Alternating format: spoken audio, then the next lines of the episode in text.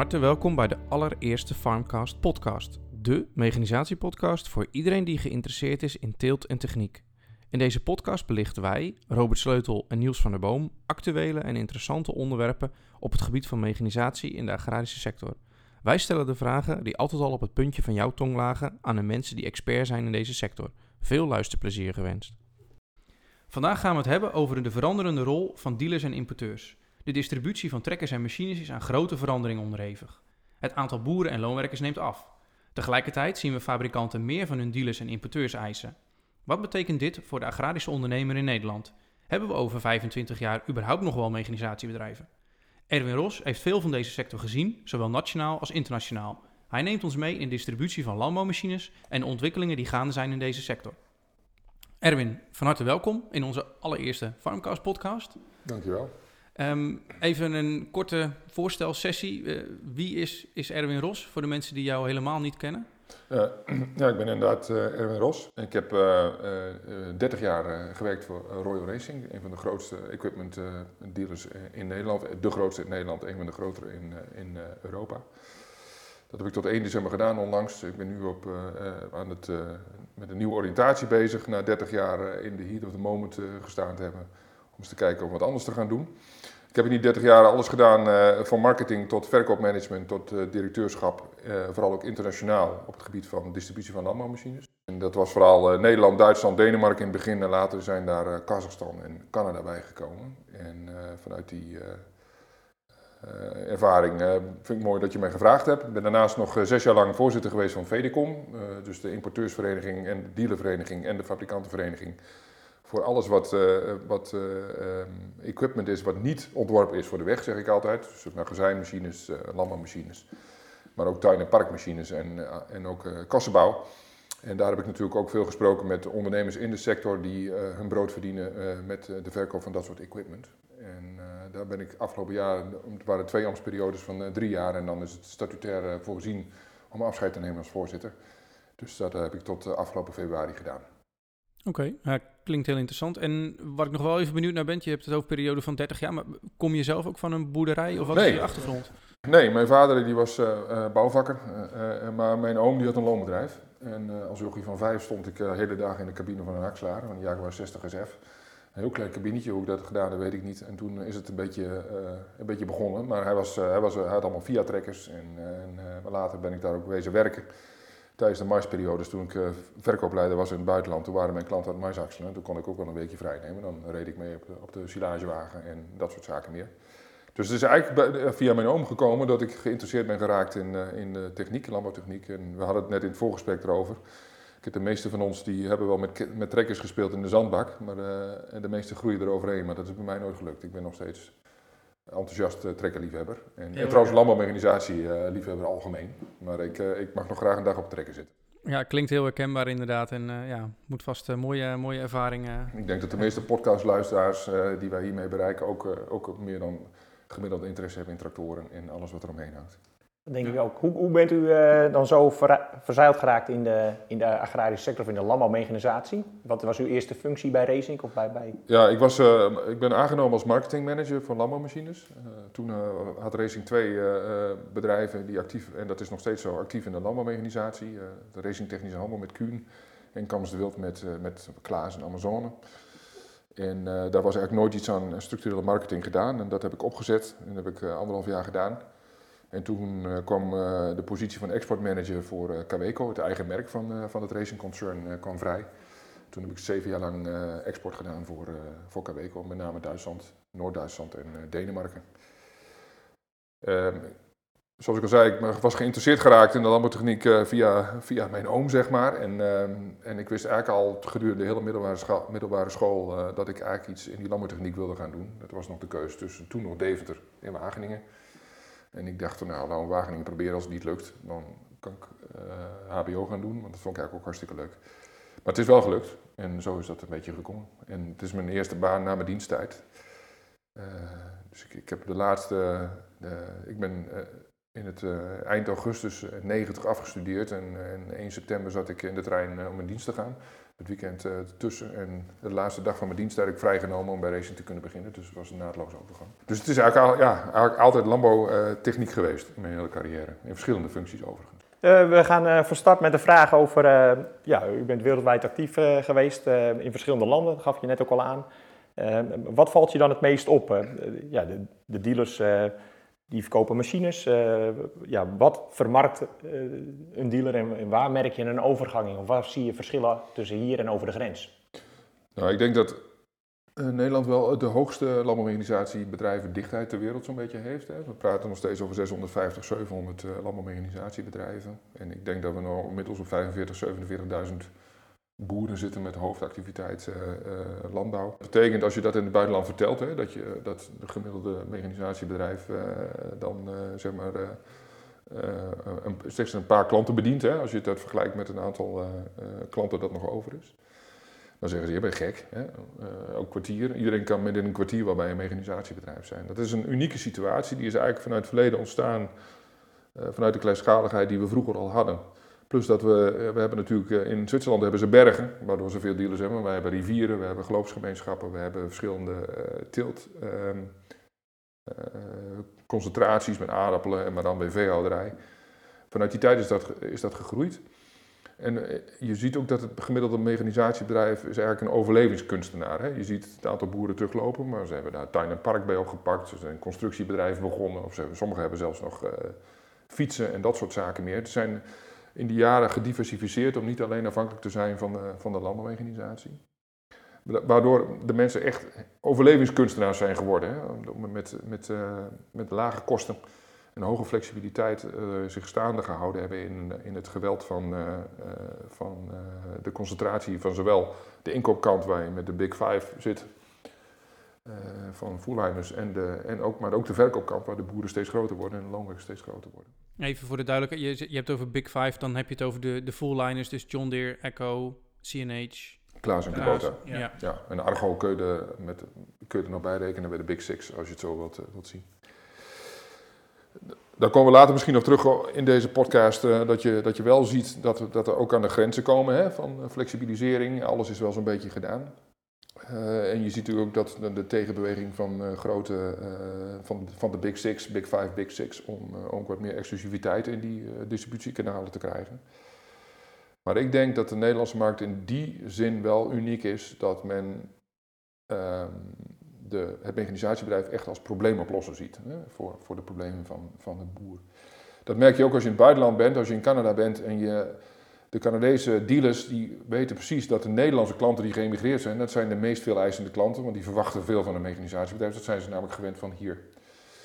En wat ook verder opvalt, vind ik, als je in een Nederlands mechanisatiebedrijf bent in vergelijking tot, tot eh, het buitenland, misschien niet West-Europa, maar wel Canada en ook andere landen, is dat het niveau van het personeel vrij hoog is. Iedereen heeft zeker MBO, eh, ook monteurs en, eh, en verkopers.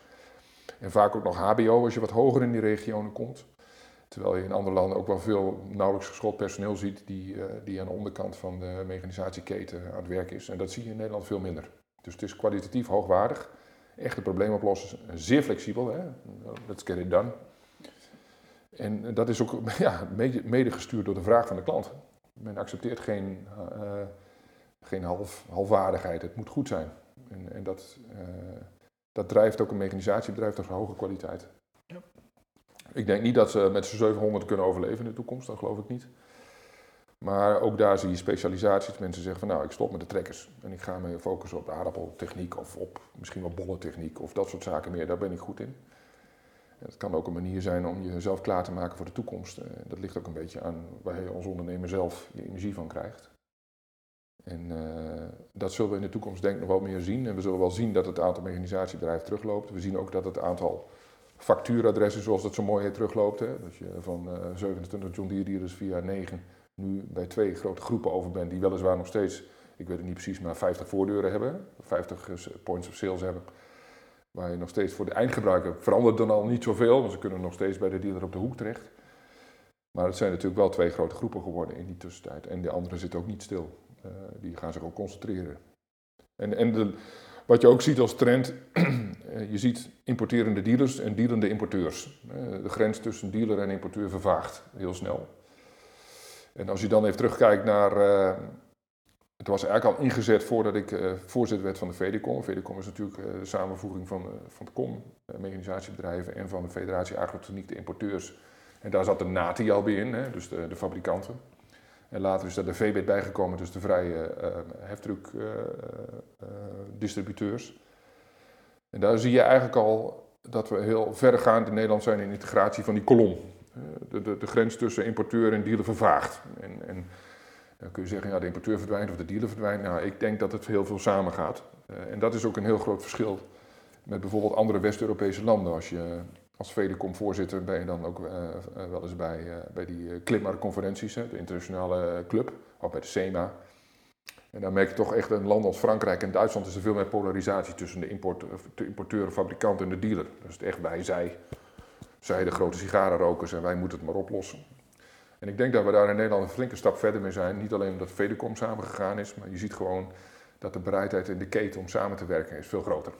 Ik zal nooit zeggen dat een dealer nooit ruzie heeft met zijn importeur-fabrikant over een inkoopprijs of over een garantieclaim. Maar over het algemeen is de samenwerking in de keten hier groter dan in andere landen. Ik denk dat we daar op voorop lopen. Hoe moet ik dat dan zeg maar over de grenzen zien? Zie je dan bijvoorbeeld, uh, u geeft aan uh, de verhouding is een beetje 700 op 50.000. Hoe, hoe, hoe, verhoudt zich die, die, die verhouding in het buitenland? Is, is die echt, dan is een rivier uh, een minder groot obstakel. Maar, maar ja, daar, daar zijn ook obstakels uiteindelijk met afstand en kennis. Ja. Hoe, hoe, moet ik dat zien? Ik denk dat dat vooral vanuit de historie anders is opgebouwd. Dat mensen gewend zijn om langer te rijden. Mensen ook accepteren om langer te rijden. Dat begint al in Duitsland, waar je, waar je natuurlijk ook best veel mechanisatiebedrijven. Ik ken het aantal niet uit mijn hoofd, maar ik weet wel dat er zo'n 300, 350.000 boeren zijn in Duitsland. Ja. En het aantal mechanisatiebedrijven is zeker niet in verhouding net zo hoog als in, als in Nederland. Maar kijk bijvoorbeeld naar bedrijven waar ik voor verantwoordelijk was in Canada. Ja, die, eh, de, de grootste dealer die, waar, waar, ik daarbij betrokken was, die had een gebied te bewerken als Klaasdealer zo groot als Nederland. Dat deed hij alleen. Uh, tenminste alleen, drie vestigingen, maar hij was de enige Klaasdealer in dat gebied. Uh, dat, dat, was een gebied van, van 400 kilometer lang en dan 150 kilometer hoog, zeg maar.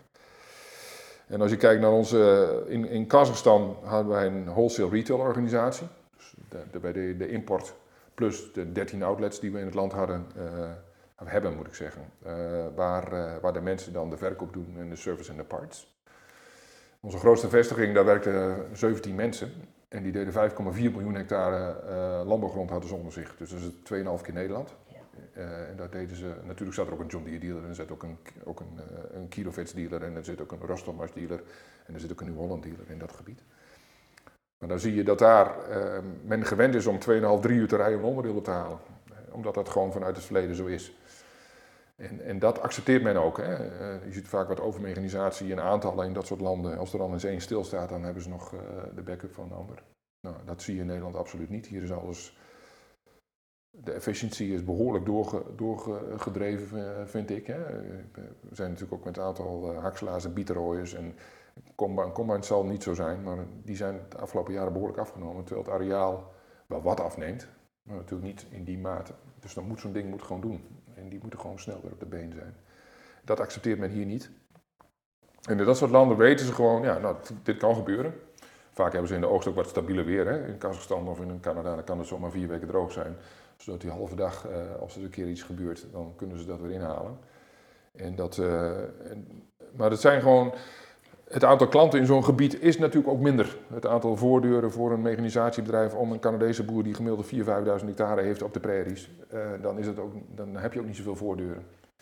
Valt me op dat u zegt, u geeft eigenlijk aan van, dat in Nederland we misschien wel ondergemechaniseerd zijn. Ik denk dat we in Nederland uh, niet ondergemechaniseerd zijn. Zeker niet, want er zijn een aantal trekkers per bundel is natuurlijk veel groter dan in andere landen. Ja. Maar als je kijkt naar de concentratie met oogstmachines, de loonbedrijven die vroeger met vier, vijf hakselaars onderweg waren, zijn nu met drie onderweg. En die zijn wel groter, ja. maar die gaan daar efficiënter mee om en die proberen het beter te plannen. Dus dan is het ook de afbreukrisico bij een, een, schade is ook veel groter. Dus de conglomeraten ziet die samen bieterooien, je ziet het aantal bieterooiers ook teruglopen.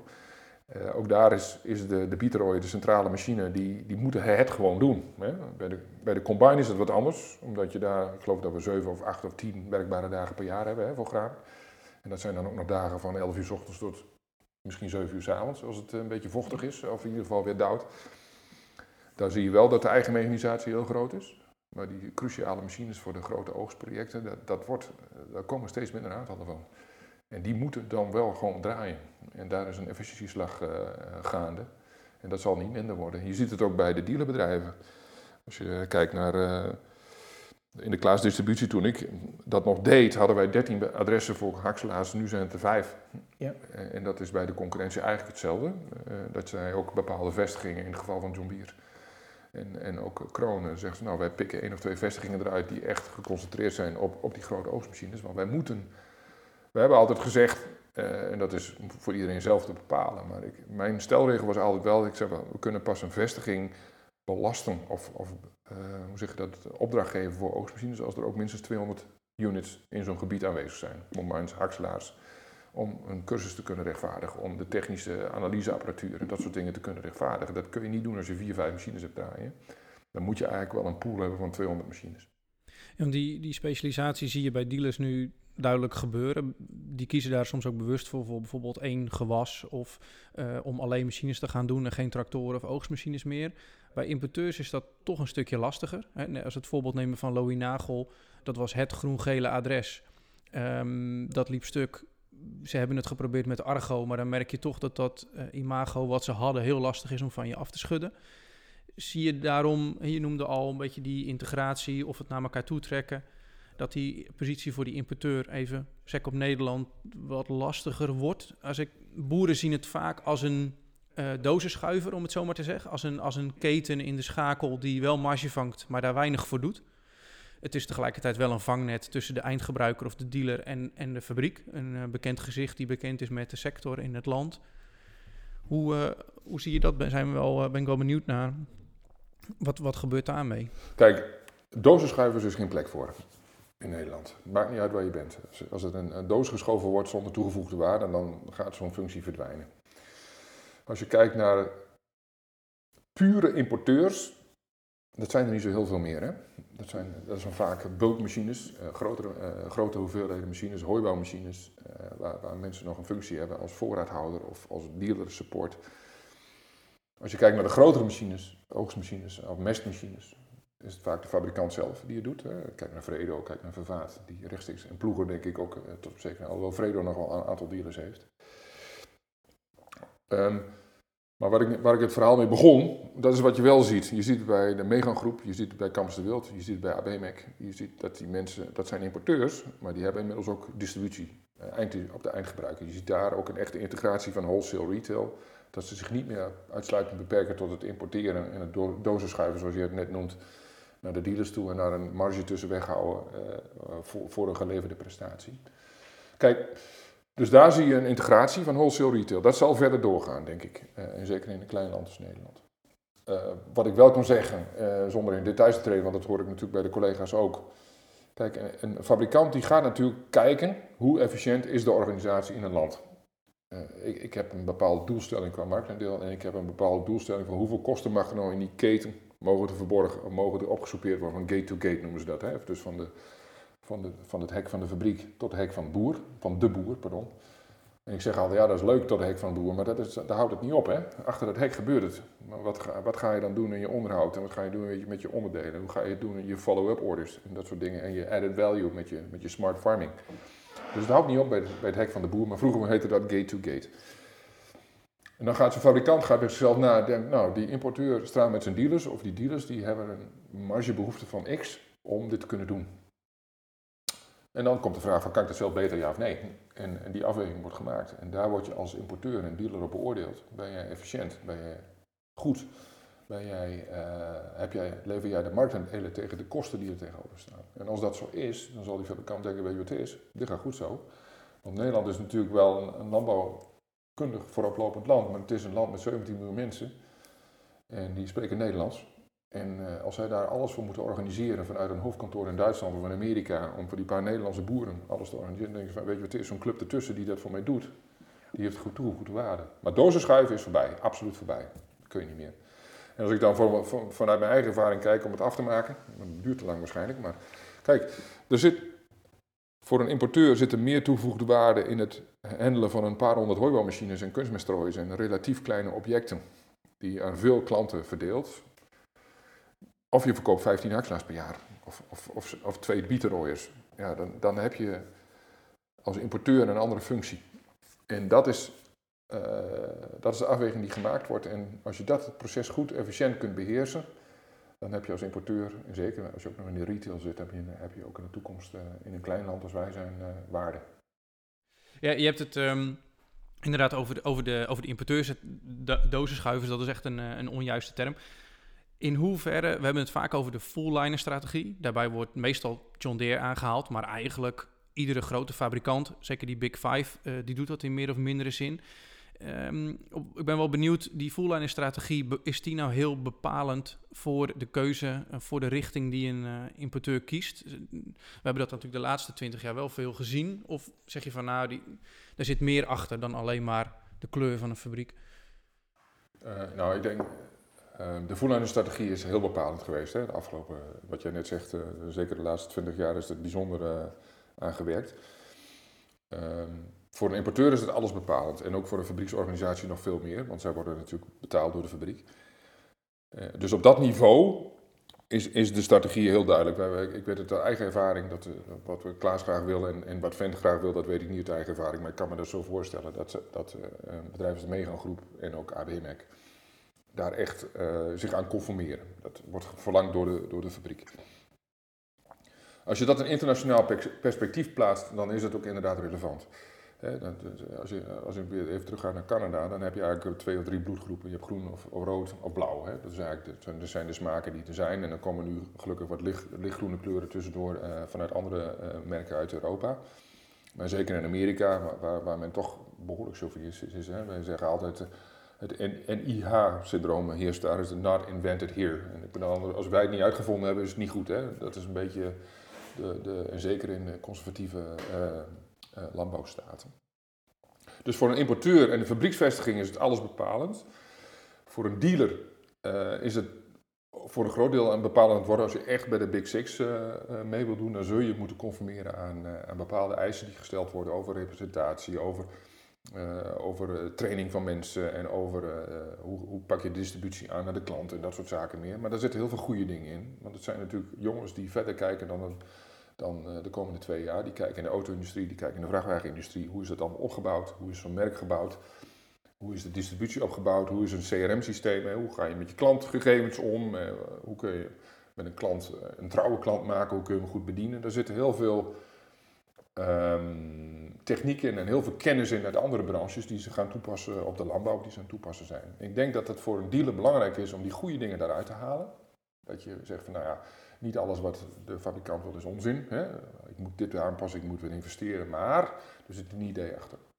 Voor een dealer geldt echter wel dat hij natuurlijk in contact is met zijn eindgebruiker. Nee, die dealer is de retail, zoals ik het net genoemd heb. Ik, zou, ik, realiseer me dat ik nogal wat Engelse termen gebruik, dus dat zal ik ietsjes anders aanpassen. Maar hij staat in contact met die eindgebruiker. En die eindgebruiker zegt maar, mooi dat je mij die groene trekker kunt verkopen, maar ik wil graag een blauwe ploeg of een rode ploeg, of ik wil graag uh, een, uh, een, uh, nou, een schudder van dat merk, of ik wil graag, noem het maar op. Kun jij dat voor mij leveren? Kun jij mij het hele pakket leveren? En dan gaat hij natuurlijk naast zijn basis full-line dealerschap gaat hij op zoek naar merken en naar machines die het goed complementeren. En daar zit ik wel, daar moet de grote Big Six moet ook die dealer ruimte laten om het uh, pakket te kunnen vervolmaken. Uh, ik kan me voorstellen dat ze zeggen, concurrerende machines willen we niet. We willen graag de uitstelling van het merk, maar dat je wel de niet-concurrerende machines, de complementaire machines, dat je daar vrijheid in geeft. Want dat is natuurlijk wel belangrijk voor, uh, voor een dealerbedrijf. En dat zie je ook. Want dat, dat, dat maakt die Nederlandse boer, die Nederlandse situatie natuurlijk wel echt bijzonder. Dat misschien in, vooral in de VS, maar ook al in Duitsland, hebben we het over, hè, die heeft nog een groen-gele onderbroek aan, of een vent onderbroek, om het even zo te zeggen. En in Nederland wordt er toch vaak gekeken door een boer of een loonwerker, welke machine past bij mijn grond, past bij mijn gewas, bij de uh, vragen die mijn klanten hebben. En als dat een blauwe is, of een groene of een rode, dan maakt me dat niks uit. Die machine moet goed zijn. En in andere landen uh, is het meer van, oké, okay, het moet allemaal dezelfde kleur hebben. Ook qua compatibiliteit is dat natuurlijk fantastisch. Uh, en ook past dat heel goed bij de dealerstrategie. Maar ja, wij, wijken we daar in Nederland echt vanaf? Die, zie, ja. je, zie je dat, dat gedacht, die gedachte ook wel in andere landen? Nou, je ziet het wel, maar ik vind dat Nederlands, de Nederlandse ondernemer, als je in een, in een loods kijkt bij een loonbedrijf in Nederland of bij een boer, dan zie je, ik noem het altijd een, bosje bloemen. Hè? Verschillende kleuren, verschillende bloemen, verschillende geur ook nog misschien. daar is echt, wordt echt gekeken, nou ik heb een groene trekker, maar ik heb een blauwe, blauwe ploeg of ik heb een, een rode schudder. Dat zie je in andere landen minder. Je ziet meer loyaliteit, meer van dezelfde kleur. Dat het is van mijn dealer, het is mijn merk, dus ik koop het. Daar is in Nederland echt te veel ondernemen voor om dat te doen. En, en dat vind ik eigenlijk ook wel mooi, want het daagt je ook constant uit om, om de beste machines te leveren. Natuurlijk is er wel degelijk dealertrouw, er is ook klantentrouw en er is... Mensen zeggen wel eens, ja, de klanten zijn niet trouw meer, maar dat is, dat is echt niet waar. Uh, ze zoeken echt wel het comfort van dichtbij. Maar als die bepaalde machine die wat verder weg moet komen van een ander bedrijf beter past, dan wordt die keuze gemaakt. En dat is veel consequenter in ons land dan in andere landen, vind ik. Dat zie je ook in Canada, om daarmee weer terug te komen. Als je bij een Canadese boek komt, dan kun je alles groen en rood vinden. Maar als je bij een emigrant komt, of een immigrant vanuit Nederland, dan zie je ook andere kleuren daartussen staan. Want die zijn het zo gewend van huis uit om de beste machine te te vinden voor zijn omstandigheden. En dat is echt wel uniek uh, ten opzichte van andere landen. Als we even bij Canada blijven, we hebben de laatste pak een beet tien jaar, misschien iets minder gezien, dat er zulke grote dealerorganisaties, importeurorganisaties ontstaan, ontstaan die misschien wel machines vanuit Canada naar Oekraïne verschepen of naar Duitsland. Dat het echt globalisering. In Nederland zien we dat niet, maar we zien wel bijvoorbeeld ABMEC in Duitse handen. Um, Royal Racing, nou, uit, jouw eigen uh, stal, oude stal, die, um, die overal naartoe gaan. Zal dat ook, ook toenemen, die, die globalisering? Uh, krijgen we daar in Nederland ook meer mee te maken?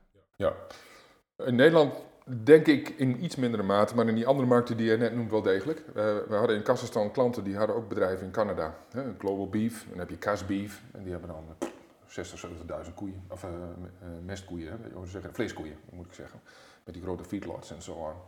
Dat zijn gewoon dat zijn Noord-Amerikaanse groepen die daar, uh, die daar hun vleugels uitslaan. We, zijn de mensen van Avico tegengekomen. En Farmfleet die kom je tegen in Kazachstan. Dat zijn internationale accounts die ook internationaal uh, contact zoeken met bedrijven die internationaal actief zijn. Je ziet het ook bij de grote eh, leveranciers hebben international key account noemen ze dat zo mooi. Dus als er echt hele grote klanten zijn, die worden dan door corporate, door, door de hoofdkantoor zeg maar of het nou John Deere is of Klaas, dat maakt allemaal niet uit. Maar die zeggen, weet je wat het is? Dit is een grote groep, die werkt internationaal. Die behandelen wij als een account van onszelf, als een klant van onszelf. Ja, levering en dat soort zaken gaat via lokale dealers. Maar wij hebben het contact met het hoofdkantoor, dat zit in Denver of het zit weet ik veel waar in New York. Vooral uh, wat, ik, wat het ook mag zitten. En dat zul je wel verder gaan zien. Ook in Nederland uh, zie je dat. Uh, het grote zaadveredelingsbedrijven en zo die internationale accounts hebben. Eh, dat dat ook gaat gebeuren. Maar je ziet vooral ook Nederlanders in het buitenland actief zijn. Die zeggen van nou, ik heb nog een bedrijf in Roemenië of ik heb nog een bedrijf eh, in Canada die ook internationaal wat zoeken. Ik denk dat het initiatief vaak vanuit Nederland gaat in plaats van dat Nederlandse bedrijven door internationale bedrijven worden overgenomen op landbouwgebied. Maar je zult, die internationalisering zal absoluut doorgaan. En dat zie je bijvoorbeeld ook bij, uh, ik moet een beetje oppassen met merken, maar goed, we praten vrij uit. Maar je ziet bijvoorbeeld bij uh, Trimble, bij de Smart Farming, die hebben een merk, een Vantage, dat is hun dealernetwerk. Het idee daarachter is van, nou, ik ben boer in, uh, in land X en ik ga naar een Vantage dealer, dan heb ik hetzelfde niveau van kwaliteit te verwachten als ik het in land Y heb. Een soort McDonald's-achtig iets. Hè. Als je ergens bent en je haalt een hamburger, dan mag je ervan uitgaan dat die ongeveer dezelfde is over de hele wereld. Dus bedrijven anticiperen daarop, dat ze ook zich internationaal profileren. Van hier staat het spring in je hert, dus ik heb hier een bepaalde kwaliteit, of hier staan de vijf letters van merk I. En dat zie je op alle niveaus komen. Het internationaal, internationaliseert heel sterk. Maar daar is Nederland eigenlijk wel goed in. Wij spreken veel talen. We staan niet bekend om onze kleine mond, zeg maar. Over het algemeen, overal in de wereld zie je mensen afduiken die, uh, die uh, vanuit Nederland komen. Ik, ik zit wel eens vliegtuig naar Kazachstan en dan zit er iemand van Koppert, weet je wel, die, uh, die biologische bestrijdingsmensen. ik zeg het een beetje platjes, maar die, die in de kassenbouw biologische bestrijding doen zaadveredelaars die eh, eh, overal zitten in dat soort landen waar tuinbouwprojecten zijn, maar ook mensen die in de vleesindustrie zitten. Eh, mensen van, van Ecro, die kalverslachterij, of van drie groep, die zitten dan in vliegtuigen, die zitten overal, weet je. Daarnaast, wat voor omstandigheden worden er daarnaast dan in het buitenland gecreëerd dat men wel loyaal blijft om op één adres te kopen en dat we in Nederland, zeg maar als, nou ja, redelijk vooraanstaand land met een eigen mening, dat wat minder doen? Ja, dat vind ik een hele lastige vraag. Het heeft vooral ook volgens mij te maken met de mentaliteit van ons, eh, van, van, eh, van ons als volk. Uh, dat kan je niet zomaar op, onder één noemer uh, natuurlijk scharen. ze zijn natuurlijk best ondernemers. Hè? Die, die, en zeker landbouwers en boeren ook, die echt strijden voor hun eigen portemonnee. Dat, dat doet in principe elke boer natuurlijk. Maar de Nederlander is toch wel een ondernemer die ook heel bedrijfseconomisch naar de zaak kijkt. En die zegt van nou, what's in it for me? Hè? Zo, wat, wat, schiet ik ermee op? Mijn voordeel. ja, wat is mijn voordeel? En, en daar, dat zal elke internationale agrariër zal dat tot op zekere hoogte doen. Maar ik denk dat het in de Nederlandse mentaliteit wat dieper begraven zit. Dat men ook veel eh, vanuit de positie in Nederland, waar alles efficiënt moet, de vierkante centimeter in plaats van de hectare. Uh, en, de, en, de, uh, en ook de benutting van stalruimte en, en, noem het al, maar ook de productie van dieren. Dat is een, in extreem is eigenlijk hier al wel uitge, uitge uh, ja, molken, letterlijk zou ik bijna zeggen. binnen de regelgeving. Als je naar Amerika kijkt met, met allerlei hormonen en zo, dan kunnen ze daar nog veel meer. Ja. Maar men is, er zit in onze genen om vanaf die laatste vierkante centimeter en naar dat laatste beetje ook nog wat uit te halen. En die drive naar perfectie en ook naar maximalisering. En daar, daar, daar komt dat ondernemerschap uit voort. Waardoor ze zeggen van ja, ik kan geen compromissen aangaan. Ik moet gewoon die machine hebben die het maximale voor mij uit de grond haalt. Of, is die schaalgrootte dan een compromis om te zeggen van nou dan neem ik misschien niet mijn beste machine, maar zit ik wel bij mijn leverancier die mij bijvoorbeeld de beste financiering kan geven, omdat de schaalgrootte ook meer geld vereist? Uh, ik, dat zal zeker meespelen, denk ik. Uh, anders is het zo, uh, wat je ook vaak ziet in Canada, is dat dat zijn ook vaak multi-unit deals, hè? Zo heet het zo mooi, dat je meerdere dingen in één keer koopt. Je koopt een heel, heel pakket. Je koopt een paar tractors en een paar, uh, paar, trekkers, moet ik zeggen. Tractors is natuurlijk geen woord. En uh, combines. En je hebt daar ook nog een skidstuur bij, zo'n eh, zo schranklader. Of je hebt een spuit erbij en dat wordt als pakket gekocht. En dat wordt ook vaak als pakket dan in een onderhoudscontract gedouwd. En in een financieringsconstructie, zodat daar, zodat daar ook voldoende voordelen aan zijn om het als pakket te kopen. Dat is één. Twee, je ziet gewoon, kijk, als wij, in, we zitten nu in, in, in Zwifterband, als je hier goed met je grond omgaat, dan haal je extra opbrengst. Als jij in Kazachstan 50 kilo kunstmest gooit op een hectare, dat vinden wij weinig, en het regent niet, dan heb je die kunstmest voor niets gegooid. Dus er wordt niet zo op het scherp van de snede uh, geboerd als in Nederland. Dus dat betekent dat die laatste finesse in die machine, ook als dat, als dat er niet wordt gedaan door een goede financieringsactie of een goede combi-deal, dan is dat niet meer interessant, weet je. Of niet meer interessant genoeg, laat ik het zo zeggen. Als wij argumenteren in Canada, we zeggen van nou kijk nou naar die Europese machines die wij verkopen. Uh, dat vinden wij deze en deze voordelen van ten opzichte van de Amerikaanse technologie. Dan, dan kan zo'n Canadees heel goed zeggen van ja luister, je hebt wel gelijk, maar ik doe het niet, want ik heb dit altijd al gehad. Ik heb dat in de multi-unit deal zitten. En die techniek van jullie is Europees, dat geloof ik wel, dat vertrouw ik wel. Maar ik ben wat meer voor de robuuste technologie, want we zitten hier op de prairie, we zitten op stukken van 800 hectare. En als ik daar ergens midden op stilsta, dan moet ik geholpen worden. En dat zijn andere overwegingen dan puur het maximaliseren. Die gaan, de, de, dus er zit een soort, ja, hoe zeg je dat, de wet van de verminderde meeropbrengsten zeggen ze wel eens. Hè? Dus als ik kan nog wel 10.000 euro investeren, maar als dat maar 7 oplevert, dan blijf ik liever bij nou wil ik niet gezegd hebben dat de Amerikaanse technologie minder waardig is, maar die is over het algemeen wat eenvoudiger en robuuster. En, en uh, daardoor ook minder, minder gesofisticeerd. Gaan we in Europa binnenkort machines maken die geen uh, metrische bouten meer hebben, maar uh, ja, imperiaal of nou, dat, dat inches zijn dan om ze daar aan de man te brengen? Dat, dat geloof ik niet. Um, officieel is Canada natuurlijk ook metrisch. Hè? Uh, dus uh, zij moeten al 40 jaar uh, moeten ze kilometers zeggen in, in, in meters. Maar ze hebben daar nog steeds over feet en, en miles. Daar hebben ze nog steeds wel over. Maar daar is het metrische systeem echt wel goed ingeburgerd. Ik geloof niet dat er vanuit Europa, kans is om met imperiale maten de Amerikaanse markt te gaan veroveren met Europese machines. Dat geloof ik zo nog niet. Maar goed, stranger things have happened. Hè? Yeah. Ja. Terug naar die financiering. Uh, je ziet uh, de, de lease-constructies komen eigenlijk ook wel een beetje uit, uh, uit Noord-Amerika, om dan niet alleen Canada te benoemen, maar ook ja, de Verenigde Staten. Je ziet daar ook op komen dat er steeds meer operational lease komt. biedt dat hier voor dealers of voor agrariërs? hoe kijkt u daar tegenaan? Biedt het kansen? Ja, ik denk het wel. Maar van de 30 jaar dat ik in de landbouw bezig ben, hebben het al zeker 25 jaar over operational lease. Hè? Financieringsacties zijn totaal ingeburgerd. Hè? Dat, eh, wordt al heel veel gedaan. Hoewel in Nederland nog steeds best het bezit ook nog telt. Mhm. Eh, vooral als het gaat om kleine machines. Maar grote machines worden natuurlijk altijd gefinancierd, dat is logisch. Maar we hebben het ook al heel lang gehad over van als je nou die eerste financial lease hebt, waarom ga je dan niet door naar operational lease? Eh, en dat, dat is een hardnekkig gebeuren, vind ik hier.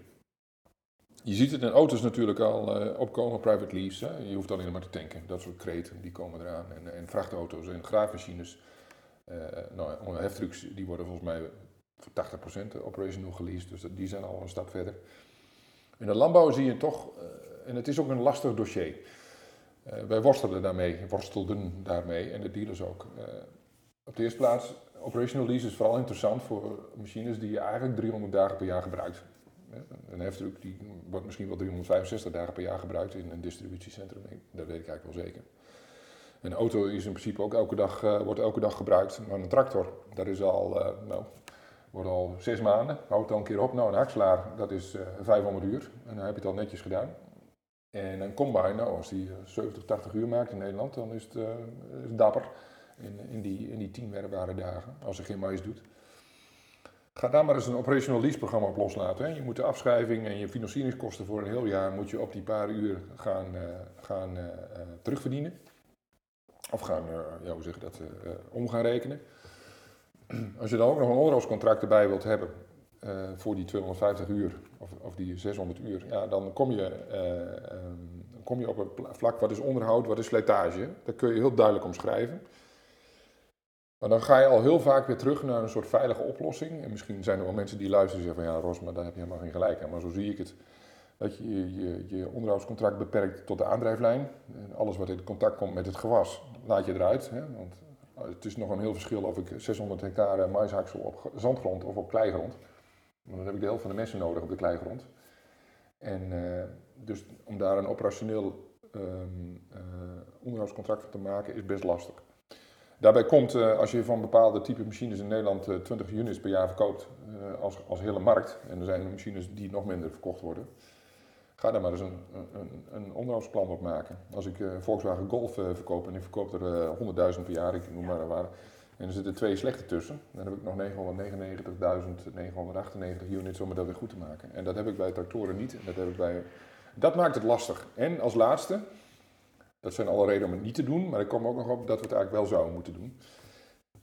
Uh, een tractor in Nederland, niet om eens even bij te pakken, of een telescooplader, die is bijna nooit standalone. Een auto is standalone, er zit misschien nog een trekhaak aan en een Imperial op het dak, dat zie je ook al bijna niet meer, dakdragers. En je hebt nog een 13-polige stekker. That's it. Dat zijn de interacties met de buitenwereld. Nou, een tractor, daar is eigenlijk niks. Hè? Uh, daar hangt altijd uh, vier hydrauliekleidingen aan, minstens, een afterkas een trekhaak en een fronthef en je wordt een keer een keeper van de buren geleend en er zit andere olie in en dat vermengt met elkaar noem het maar op. Dat maakt het ook lastig om een goed schadebeeld of een goed onderhoudsbeeld van een tractor te maken.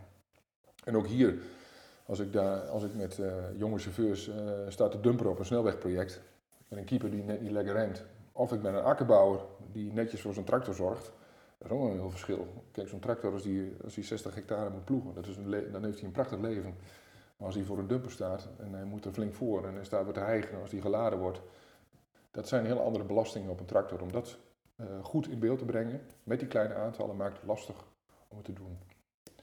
Toch denk ik dat het wel de toekomst is. Uh, als we hadden het net al over uh, dat bepaalde branches die lopen wat vooruit qua distributie. Autobranche, vrachtautobranche en ook heftruckenbranche, die zijn al wat verder in integratie, leasing en, en, en, en, en um, eh, distributiesystemen. Die ondernemers daar, in die, in die branche, en dat is nog een van de punten die ik net nog vergeten ben, daar kom ik nog even op terug voordat ik verder ga. Kijk, als een loonwerker moet gaan hakselen, gras hakselen, dan, gaat, mag, hij om 12 uur komen bij die boer, hè, want dan is het gezwaard, dan is het, dat is het, dauw is eruit. En dus, maar die jongens beginnen om half acht ochtends. Die zitten met z'n zeven in de kantine, drinken een bakje koffie. En dan moeten ze eigenlijk, ja, je kunt wel in de olie verversen. Of we kunnen wel even dit, we kunnen wel even dat, want ik heb downtime, ik heb die jongens. En dat soort basiswerkzaamheden, als je die in een onderhoudscontract zou vervatten zoals je met een auto doet, dan is het voor zo'n bedrijf die gaat denken, ja, bliksem, daar kan ik zelf ook nog wel die olie vervangen, daar hoef ik eigenlijk geen onderhoudscontract voor. Dat is de laatste reden waarom het moeilijk is. Maar nu terug uh, naar de, waarom het eigenlijk wel zou moeten. Kijk, een boer is geen mechanisatiebedrijf. Uh, hij mag gek zijn van trekkers. Maar de kennis, en zeker de specifieke kennis met de moderne tractoren, zit toch echt bij de importeurs, mechanisatiebedrijven, leveranciers. Um, als je dat goed zou willen doen en je maakt goede afspraken in de kolom. Ik heb net gezegd, in Nederland zie je al een hele grote integratie tussen, tussen importeurs en dealers en fabrikanten. Dat is eigenlijk al één blok geworden. En eigenlijk moet dat de volgende schakel aan die ketting moet eraan, dat je de eindgebruiker daarin betrekt. Zeg van, nou, we spreken af met elkaar, je koopt die tractor, of, of je leest die tractor, die heb je voor zo en zoveel uur en dan komt die weer terug. En dan de kostprijs per uur, uh, carefree, dat soort dingen meer. Ik denk dat daar toekomst in zit en dat een, een, boer ook daar zegt van, nou luister, ik wil gewoon weten wat het kost. En ik wil gewoon weten wat mijn, uh, wat mijn uh, te verwachten stage-uurkosten zijn. En dan zou je, denk ik, ik zou, ik zou het mooi vinden als we daar verder in kwamen. Dat we met de mechanisatiebranche, met leveranciers, met, met je importeurs en de dealers, dat je met de eindgebruiker aan tafel komt en zeggen, hoe gaan we dat nou doen? Hoe kunnen wij jou nou ontzorgen, zonder dat jij het gevoel hebt dat, dat, dat, jij, dat wij rijk worden van je en dat je het zelf goedkoper kunt. Die stap zou ik graag nog een keer maken. En ik denk dat dat ook verstandig is in een partnerschap met je leverancier, als eindgebruiker, om in een partnerschap met je leverancier te stappen, om samen te kijken naar, naar, een, uh, naar een uh, betere kostprijs of uurprijs uh, van je mechanisatie. Daar, daar zijn we nu in aanbeland, vind ik. De, de, de inkoopkant concentreert, maar ook de verkoopkant concentreert voor een mechanisatiebedrijf. Er zijn minder klanten, maar die zijn groter.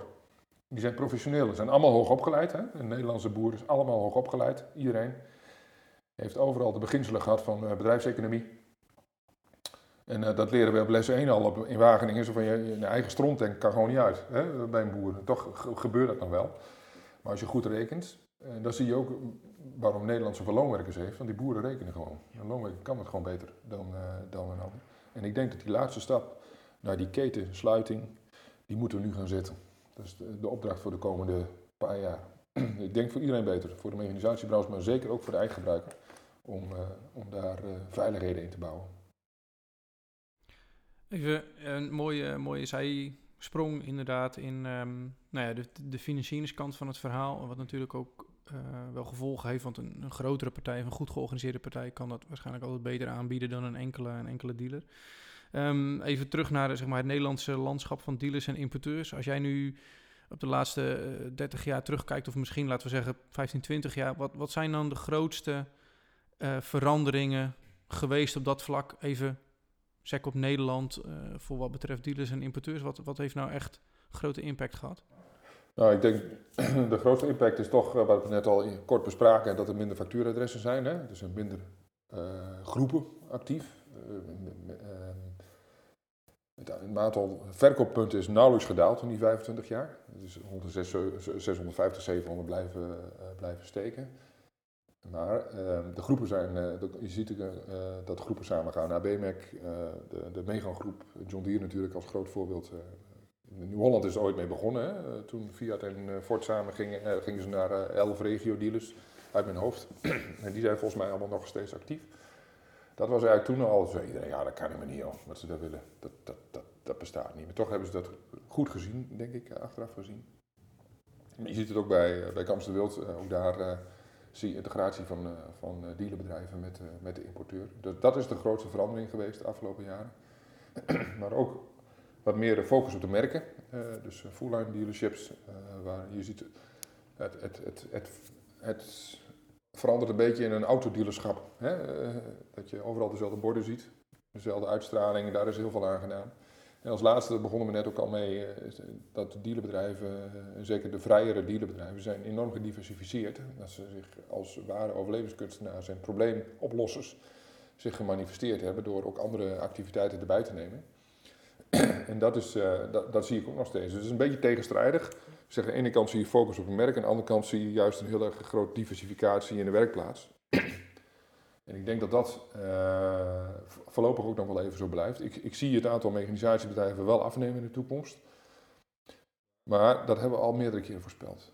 Toen ik eh, begon bij Racing, eh, als oude, dat is een oud verhaal natuurlijk, toen moest ik de landbouwmachinemarkt in kaart brengen. Toen, ik heb een verslag laatst nog eens gevonden. Toen waren er 127.000 boeren hè, in 1990, of 91. en, en toen waren er zeven mechanisatiebedrijven en nu zijn er 49 of 47.000 boeren. We hebben nog steeds ongeveer 700 mechanisatiebedrijven, maar die zijn heel wat anders erbij gaan doen. En, uh, dus het is, het is niet zomaar dat het naar 400, 500 gaat. Dat zie ik de komende paar jaar niet gebeuren. Daarvoor zijn de ondernemers te goed. Uh, bieden ze te veel toegevoegde waarde voor de eindgebruiker. En dat zeg ik nog niet om aardig gevonden te worden, uh, maar je ziet het gewoon. dat die eindgebruiker uh, groter wordt. Die concentreert zich ook op zijn kernactiviteit. En vandaar ook mijn verhaal naar die, naar die, uh, naar die onder, onderhoudscontracten. Kijk, een melkveehouder moet het geld verdienen in de melkput. En, die moet, en een, akkerbouwer verdient het geld met zijn producten. En die heeft natuurlijk best wat downtime, uh, hebben ze allebei wel om eigen onderhoud te doen. Maar de echte focus op waar, ze hun geld mee verdienen, ze kunnen beter een uur extra in die melkstal investeren dan een uur op de tractor te gaan zitten of met de tractor te gaan sleutelen. En dat zie, je, zie ik in de toekomst wel verder doorgaan, dat mensen zich toch meer specialiseren op een kernactiviteit en daardoor uh, externe werkzaamheden uitbesteden. En je zegt van nou, uh, even terug, Nieuw-Holland doet het met zeg elf uh, hoofddealerschappen. Deere doet het inmiddels met twee in Nederland. Als um, Kamps de Wild zo doorgaat, zijn ze misschien nog de enige overkoepelende klaaspartij voor Nederland. Is inderdaad één goede full-line dealer voldoende voor bijvoorbeeld een trekker of een hakselaarfabrikant? Of heb je er dan, is twee beter omdat die elkaar scherp houden? Wat, wat zie jij met jouw ervaring als een ideaal situatie, ook denkend aan een Nederlandse boer of een loonwerker? Nou, hoeveel groepen er zijn, weet ik niet. Uh, uh, kijk, de, de, twee John Deere uh, dealers, ik weet niet of ze elkaar scherp houden. Kijk, zij zijn natuurlijk heel intensief, werken ze samen met een leverancier. en die zullen ook tot op zekere hoogte wel bepalen, denk ik, wat er, wat er gebeurt. um, dus ik denk dat hoeveel groepen er actief zijn in een land, dat is eigenlijk niet zo interessant. Het aantal voordeuren, dat is interessant te kijken hoe dat gaat. Uh, we hebben ook natuurlijk best discussies gehad in onze tijd uh, bij Klaas en, en, en, en, andere merken ook gezegd, hoe kun je nou in vredesnaam zoveel dieren hebben in zo'n klein landje? Hè? Dat zegt iedereen, ah, dat, gaat, dat wordt allemaal minder.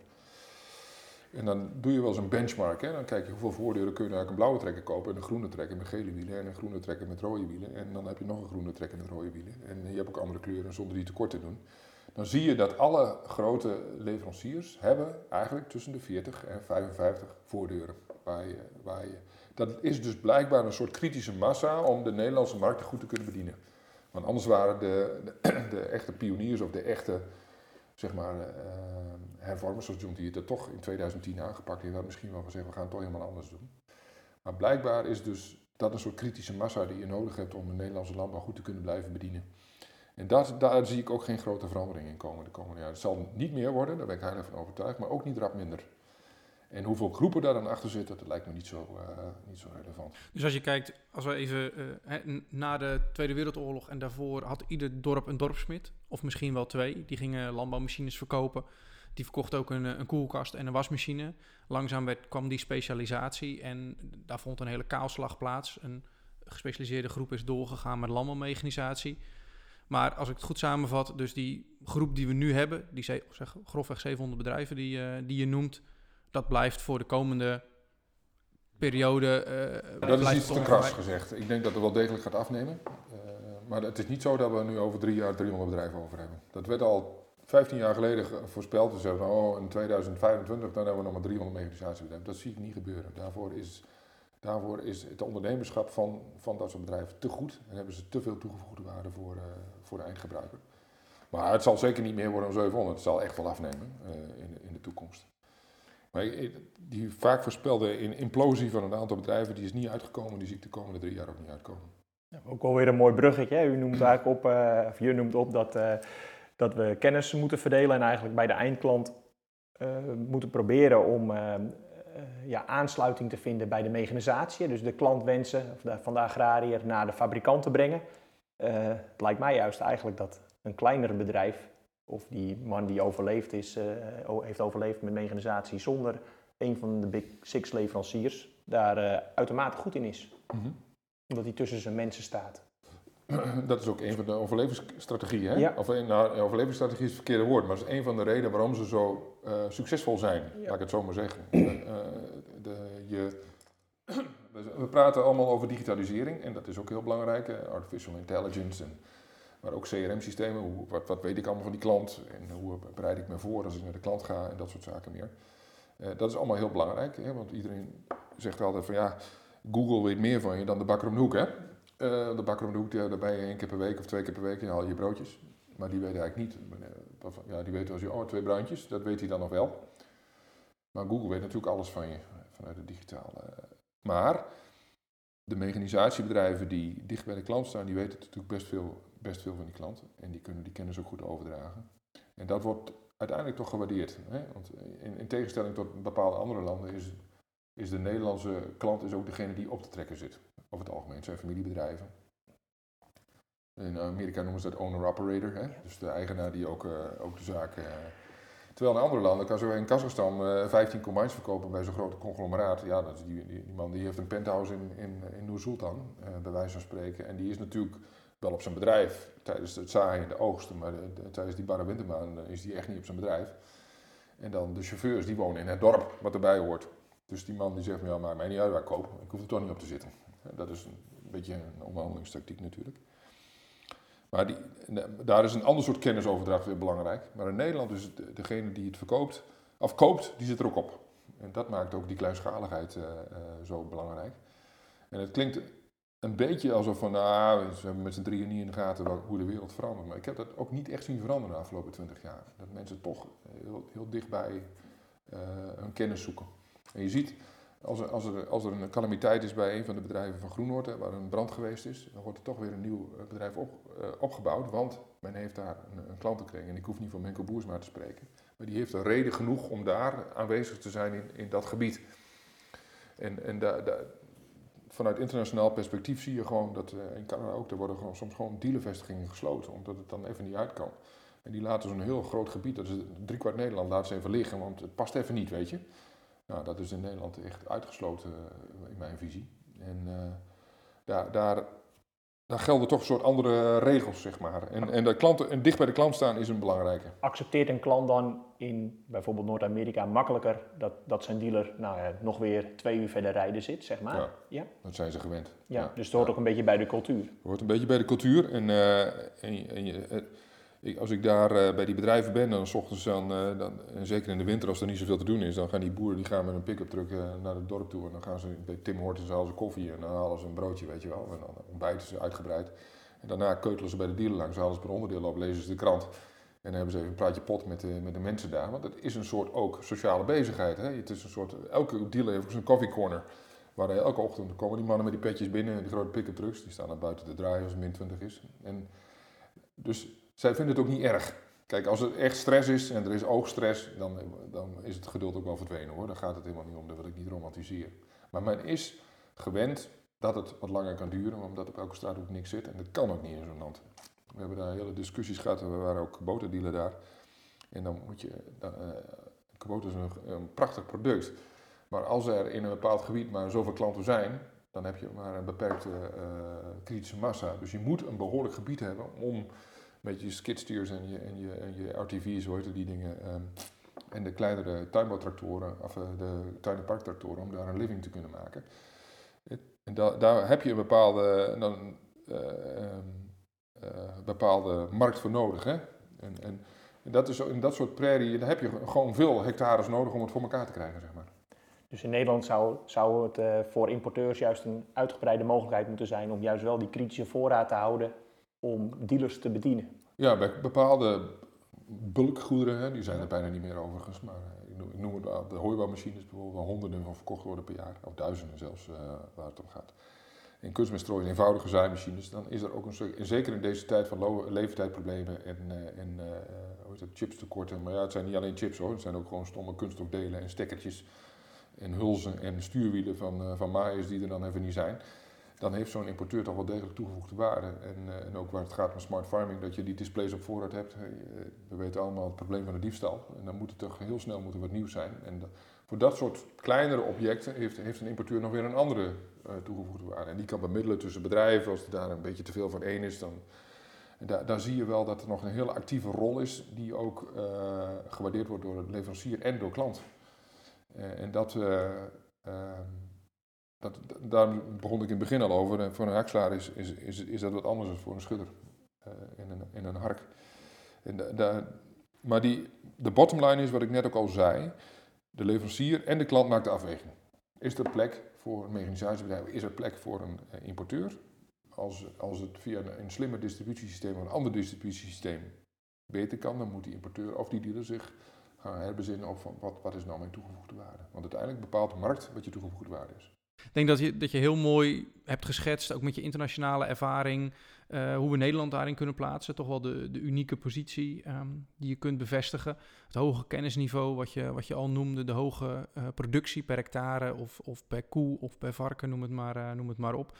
De uitdagingen en vooral ook de kansen die er liggen. Ik denk dat dat een van de zaken die ik het meeste meeneem, inderdaad zoals jij het noemt, de voordeuren, de factuuradressen, dat die eigenlijk de laatste 10, 15 jaar misschien wel nauwelijks gewijzigd zijn. Ja, factuuradressen wel, maar voordeuren niet. Voordeuren niet, ja, dat, dat, dat toch misschien toch een soort optimum uh, in, in hebben bereikt en, en daar zal nog uh, een klein beetje wisseling in zijn. Um, bedankt ook dat jij als eerste gast aan wilde schuiven in de Farmcast. Van echt top dat je het wilde doen. Heel leuk. Ik vond het ontzettend leuk. Uh, laten we hopen dat er nog, uh, nog vele interessante gasten uh, volgen. En nou ja, zoals je vertelde in de intro, je bent een beetje in between jobs, om het zo maar te zeggen. Dus wie weet in welke functie we je ooit nog in deze podcast gaan spreken of gaan, gaan zien. Bedankt daarvoor. Dit was de allereerste Farmcast podcast met Erwin Ros over de veranderende dealer- en importeursrol. We zijn erg benieuwd wat je van de uitzending vond. Ook ontvangen we natuurlijk graag tips en ideeën voor toekomstige afleveringen. Je kunt reacties sturen naar farmcast@farmmedia.nl en alle Farmcast podcasts kun je vinden op Spotify, Apple Podcast en op agrifoto.nl slash farmcast. Tot de volgende podcast.